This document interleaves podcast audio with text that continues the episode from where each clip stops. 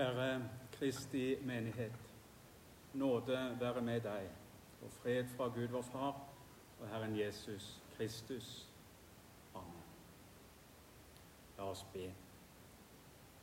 Gud Faders ånd kom til oss ned, med himmelens ild, Guds kjærlighet. Legg på vår tunge nådens røst, med livets ord til evig trøst. Amen. Det hellige evangeliet for aske onsdag. Det står skrevet hos evangelisten Matteus i det tolvte kapitlet, fra det 38. til det 42. vers.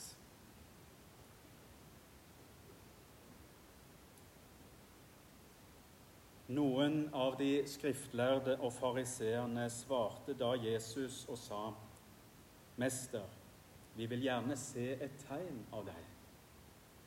Men han svarte og sa til dem, En ond og utro slekt krever tegn. Men tegn skal ikke gis den uten profeten Jonas tegn. For like som Jonah var tre dager og tre netter i storfiskens buk, slik skal menneskesønnen være tre dager og tre netter i jordens hjerte.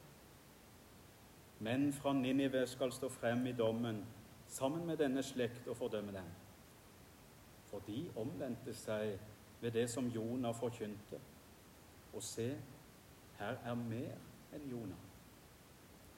Dronningen fra Syden skal stå frem i dommen sammen med denne slekt og fordømme den. For hun kom fra de fjerneste strøk av jorden for å høre Salomos visdom, og se, her er mer enn Salomo.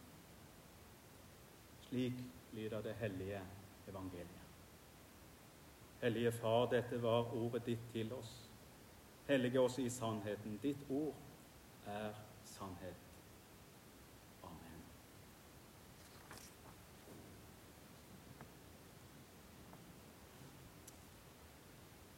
Forkynneren Erling Yrkje han fortalte en gang om bibelsynet til gamle Sigrid hjemme i Rogaland. Hun var så enfoldig, ble det sagt og hun trodde på Gud. Så var det noen som skulle holde opp med gamle Sigrid om profeten Jonah. Så de spurte gamle Sigrid Tror du virkelig at fisken åt opp Jonah? Ja, ja, det gjør jeg. Det tror jeg. Jeg hadde trodd om det var Jonas som åt opp fisken òg. Der ligger en stor ydmykhet i denne lille morsomheten. En ydmykhet for Guds ord. Det er en ydmykhet over at det Guds ord taler, er sant. At det står høyere enn alt hva jeg eller verden tenker og tror. Uansett hvor klok og, klok og vis jeg og verden sier at vi er. Som Paulus sier i sitt første brev til kirkelyden i Korint. Ordet om korset er vel en dårskap for dem som går fortapt.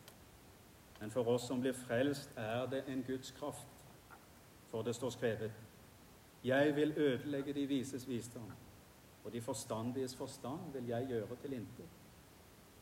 Hvor er en vismann? Hvor er en skriftlærer? Hvor er en forsker i denne verden? Har ikke Gud gjort verdens visdom til dårskap? For da, verden, ved sin visdom ikke kjente Gud i Guds visdom, fant Gud for godt å frelse dem som tror, ved forkynnelsens dårskap. For jøder krever tegn, og grekere søker visdom, men vi forkynner Kristus korsfestet. For jøder et anstøt, og for hedninger en dårskap. Men for dem som er kalt, både jøder og grekere, forkynner vi Kristus, Guds kraft og Guds visdom. For Guds dårskap er visere enn menneskenes, og Guds svakhet er sterkere enn menneskene. Noe av dette er det vi får være sammen om i kveld. Guds dårskap er visere enn menneskene, og Guds svakhet er sterkere enn menneskene.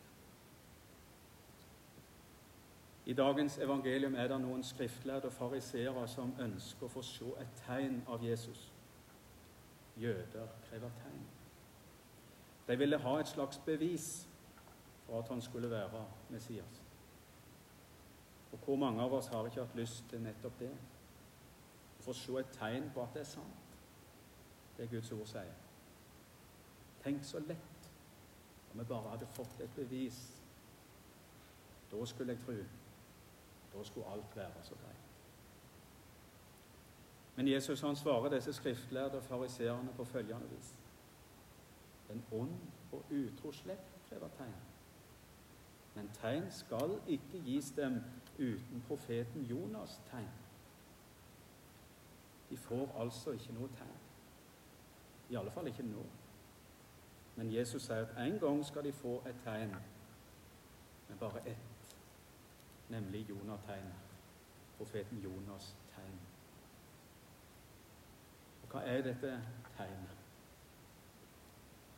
Jeg begynte preken med forkynneren Erling Yrkes i fortelling om gamle Sigrid hjemme i Rogaland og hennes syn på Jonah. Om hun trodde det var sant at fisken åter profeten. Og hun svarer ja, ja, det gjør jeg. Det tror jeg. Jeg hadde trodd det om det var Jonah som åt opp fisken òg. På sett og vis så har dette siste òg skjedd. At Jonah åt opp fisken skal komme tilbake til det. Og Det er i grunnen noe av det dagens evangelium handler om. Børre Knutsen synger en salme som fører oss inn i dette. Du er den Jonas som springer fra skipet, ut i det rasende uhyres gap. Frivillig lar du deg døpe og gripe. Prestelig gjør du et offer av drap. Skipet som berger seg ved å forkaste, blir til din kirke straks spranget er tatt. Udåd blir frelse, fortvilelse fast. Speilmåren rinner av stormflenget natt. Selv må du synke, og tett om din panne vikles en krone av tare og tann, der du avmektig må tumle i vannet inntil du synker i urdypets fang. Synker i skyggene hinsides sorgen, hviler i gravenes dypeste grunn. Synker i natten før skapelsens morgen, hviler på dåpsvannets belgmørke Det nye testamentet ligger skjult i Det gamle testamentet. Og Det gamle testamentet ligger åpenbara i Det nye testamentet, sier kirkefader Augustin. Jonah er et forbilde på Kristus, som åpenbærer noe for oss om hvem Kristus er. Profeten Jonah er på mange måter et underlig forbilde på Kristus. Samtidig består likheten derav vel så mye av motsetninger som av likheter. Vel sov de begge to godt selv om det var full storm når de var på båttur. Og vel stilna de begge to stormen, men på noe ulikt vis. Og Derfor er det kanskje lurt å huske at når vi møter Jesus i Det gamle testamentet, så er det bildet av Jesus. Glimt som peker fram mot Han som skulle komme. Jesus er så uendelig mye større og bærer i seg så ufattelig mye mer enn alle de og alt det som peker fram mot Han i vår bibel. Og Jesus er Gud. Men det vi finner, er gode bilder som hjelper oss til å se mer og mer av Jesus. Og som hjelper oss til å se at hele Skriften vitner nettopp om ham. Og Når Jesus sjøl peker tilbake på Jonah-fortellingen, så gjør vi vel i å lytte og lete og dukke ned i tekstene. For som Børre Knutsen minner oss om i et dikt han skal ha skrevet på innsida av Bibelen til en av sønnene sine. Din bibel er fra først til sist et bilde av din Herre Krist. Jesus han forklarer sjøl dette med Jonategnet til de skriftlærde fariseere. Slik profeten Jonah var i buken på storfisken i tre dager og tre netter, slik skal òg Jesus være tre dager og tre netter i jorddyp. Og så forteller han videre. Her er mer enn Jonah. Her er mer enn Salomo. For alt vi trenger, er Jonah-tegn. Jesus kom bare for å gi oss ett tegn, og det var Jonah-tegnet. Vi skjønner at han snakker om sin egen død og sin egen oppstandelse. Jonategnet handler om mannen på korset og den tomme graven. Ikke noe mer, men så visst ikke noe mindre. Og som folk i Ninive vendte om til Gud og ble frelst etter å ha hørt Guds ord forkynt av profeten Jonah, så kan vi få vende om til Gud, vi som får høre forkynt. Kristus korsfestet. For jøder et anstøt og for hedninger en dårskap. Men for dem som er kalt, både jøder og grekere, forkynner vi Kristus, Guds kraft og Guds visdom. For Guds dårskap er visere enn menneskene, og Guds svakhet er sterkere enn menneskene. Vi har fått Jonategnet. Det tegnet som forteller oss at Jesus har ordna opp. Jesus tok straffen vi skulle ha da han døde på korset. Han gikk i døden, den som vi skulle ha med. Ja, som Jonah ofra seg for skipet og ble kasta over bord, slik blir korsdøden forvandla til liv og salighet. Som Børre Knutsen sang i sangen. Du er den Jonas som springer fra skipet, ut i det rasende uhyres gap. Frivillig lar du deg døpe og gripe. Prestelig gjør du et offer av drap. Og fra drapet, fra døden, så spirer paradoksalt nok livet fram. Det nye livet, det evige livet. På søndag som var, så beskrev Jesus seg sjøl som et hvetekorn som ble lagt i jorddypet bare for å dø. Men det skal ikke ligge lenge. Det skal stå opp og spire opp til nytt liv. Og der, i offeret, der ligger den store kjærligheten, Guds innerste vesen. Ingen har større kjærlighet enn denne, at han setter sitt liv til for vennene sine, sier Jesus.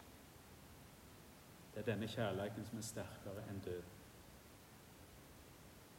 Til og med J.K. Rowling, forfatteren av bøkene om den unge trollmannen Harry Potter, har grepet noe av det. Når Harry Potter får leve når mora ofrer seg for ham, når den onde forsøker å drepe de begge. Og Der åpenbarer kjærligheten sin. I offeret blir den underlige herligheten som ligger i Jesu død, forvandla til den største kjærlighet. Da Jesus hadde fått vineddiken, sa han, 'Det er fullbrakt'. Og han bøyde sitt hode og oppga sin ånd. Dette er offeret. Dette er kjærleiken. Offer og kjærleik hører uløselig sammen. På mange måter er dette Jonategnet. Mannen på korset som ofrer seg i kjærlighet til menneskene. Og vi har ikke fått noe annet tegn som virkelig betyr noen ting for trua og livet vårt enn nettopp Jonategn. Og Jonategnet er jo helt konkret det som evangelisten skriver i vers 40. Slik profeten Jonah var i buken på den store fisken i tre dager og tre netter slik skal menneskesønnen være tre dager og tre netter i jordjul. Det handler om, som alt har vært inne på, det mest sentrale av alt. Jesu død og Jesu oppstandelse for vår skyld. Det er slik Gud frelser. Det er slik Gud elsker. For så elsket Gud verden at han ga sin sønn den enbårne, og at hver den som tror på ham, ikke skal gå fortapt, men ha evig liv.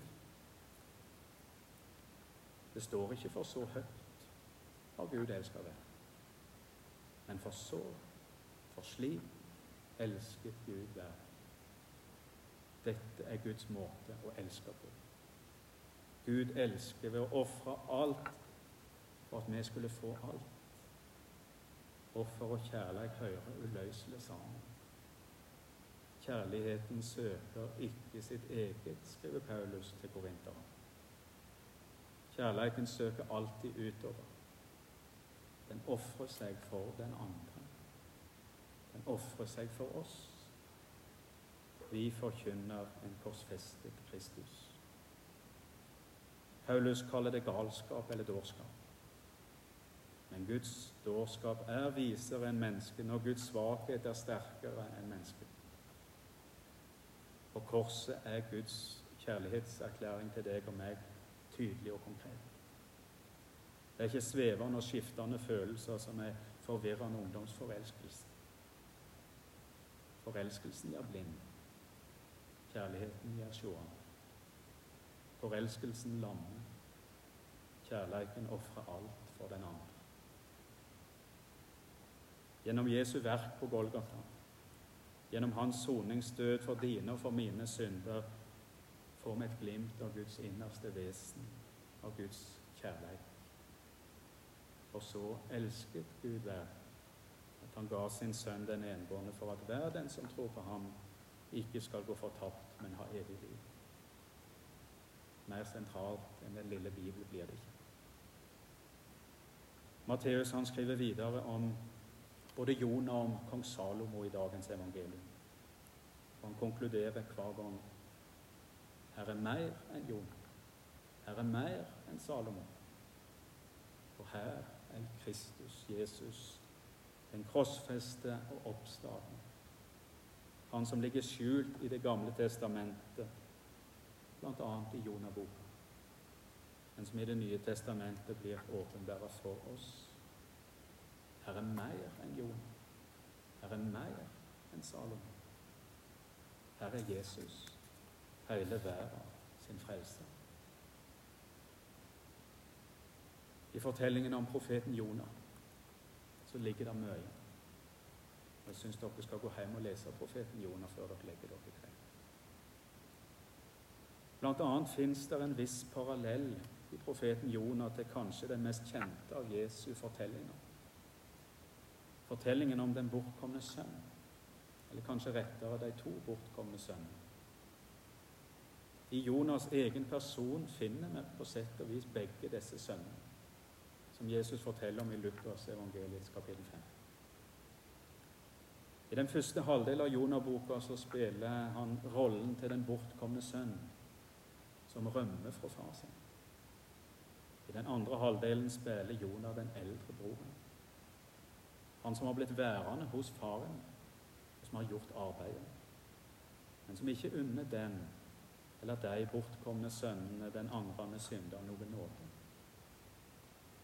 Og Både fortellingen om Jonah og fortellingen om de bortkomne sønnene de avsluttes begge med at Faderen gir et innblikk i sitt innerste vesen, kjærlighetens vesen, den kjærligheten som er helt annerledes enn alt vi kjenner. Jonah han sitter sur etter at Gud har spart Ninive, etter at folket vender om til Gud. Jon han er òg lei seg over at det tre han hadde blitt så glad i, nå var dødt. Alt var i grunnen ille. Sola stakk, og han ville helst bare dø. Og da er det Gud sier til ham Du har medynk med kikkajon-treet, som du ikke har hatt noe strev med og ikke har fått til å vokse. Det ble til på en natt og ødelagt på en natt.